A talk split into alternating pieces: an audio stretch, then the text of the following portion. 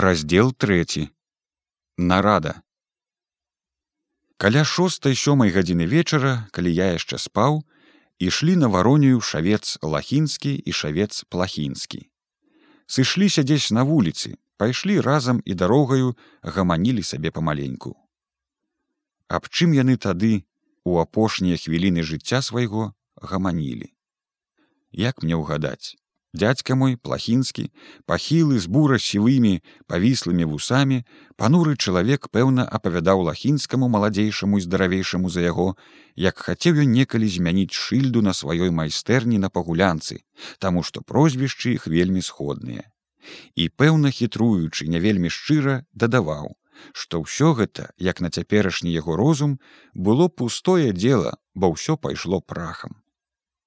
Лахінскага я ведаў мала але стаяў ён да вароней вуліцы без параўнання бліжэй чым мой дзядзька. Дык пэўна смяяўся ён з разважанняў майго дзядзькі. А мой дзядзька мусіць яшчэ яму казаў але ж трэба мець надзею таварышу лахінскі што ўсё яшчэ дасць бог ацішыцца асталіцца і зноў усё будзе па-даўнейшаму надзея матка дурных кажа старая прыказка пане плахінскі пэўна заўважыў яму смеючыся таварыш лахінскі. І так гамонячы прыйшлі яны ў клуб.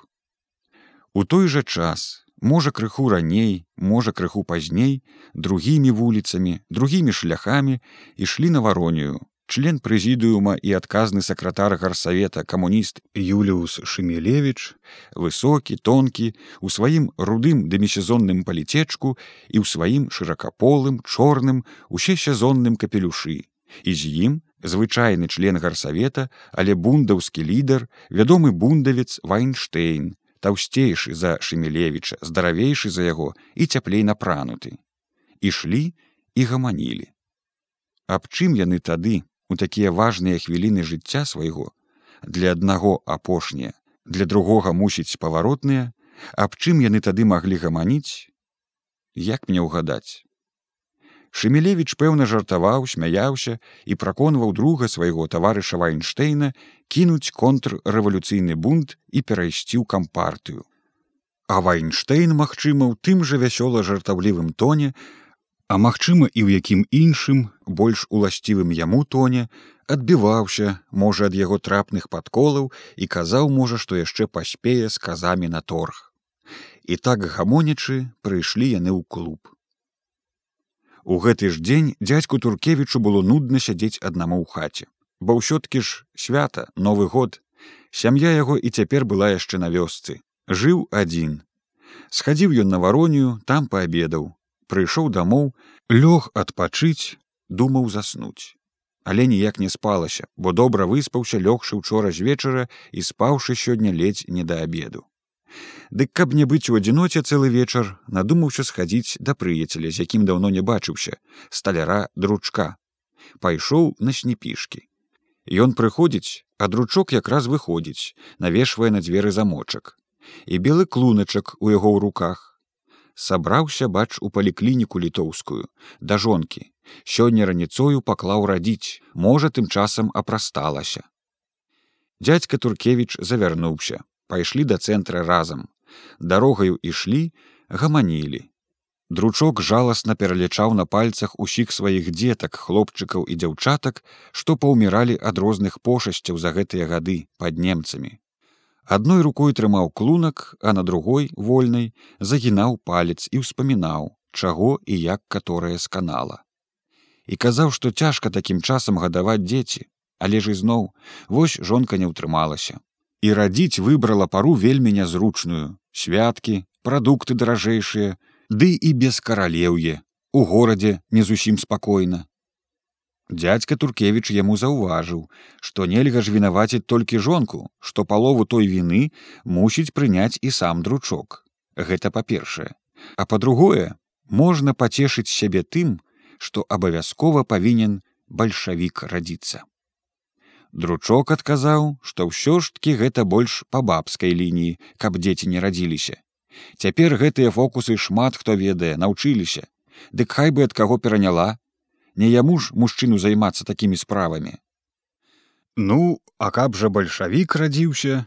Дык нічагусенькі супроць не маю. Няхай на свет здаровенькі прыходзіць згадзіўся дручок і наддаў ходу.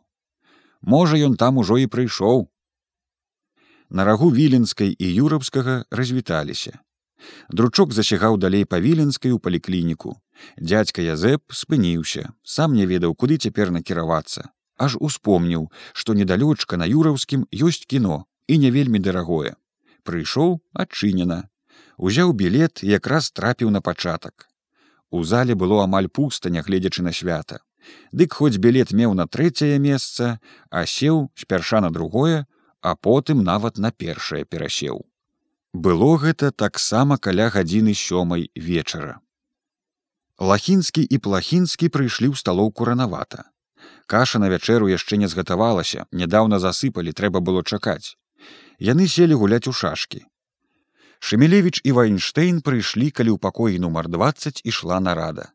Шемелевич адразу сеў там сам а вайнштейна паклікалі з чытальні спярша паслалі па яго ракоўскага стоража клуба а потым на ўздагон прыйшоў і сам тарас клубны камендант каб ішоў вайнштейн канечне нарада вельмі важная На нарадзе былі члены віленскага камітэта кампартыі, члены прэзідыума гарсавета і радавыя камуністы і рабочыя.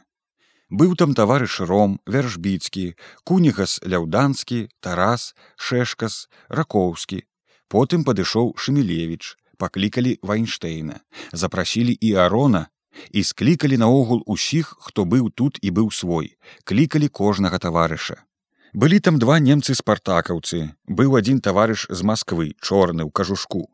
Былі таварышы чырвонагвардзейцы з атрада што стаяў на вароней у большасці з былых ваеннапалонных што ішлі з нямметчыны дамоў і засталіся ў вільні дапамагаць савету. Былі бундаўцы.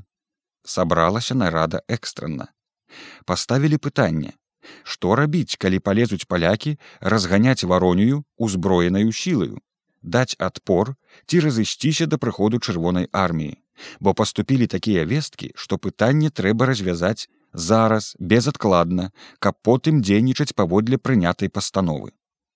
Камуністы, спартакаўцы, чорны таварыш з Масквы ў кажушку і ўсе чырвонагвардзейцы былі за тое, што трэба даць адпор у кожным разе. Бо як жа так? Узяць ды да разысціся, разбегчыся, трэба змагацца, трэба іх праўчыць. Паднімуцца рабочыя шмат хто выйдзе са зброяю ў руках а забастуе цэлы горад. Чырвоная армія паспяшыць на выручку да яе прыходу можна пратрымацца. Так мне казаў пасля арон аб выступленнях якія там былі ў яго прысутнасці.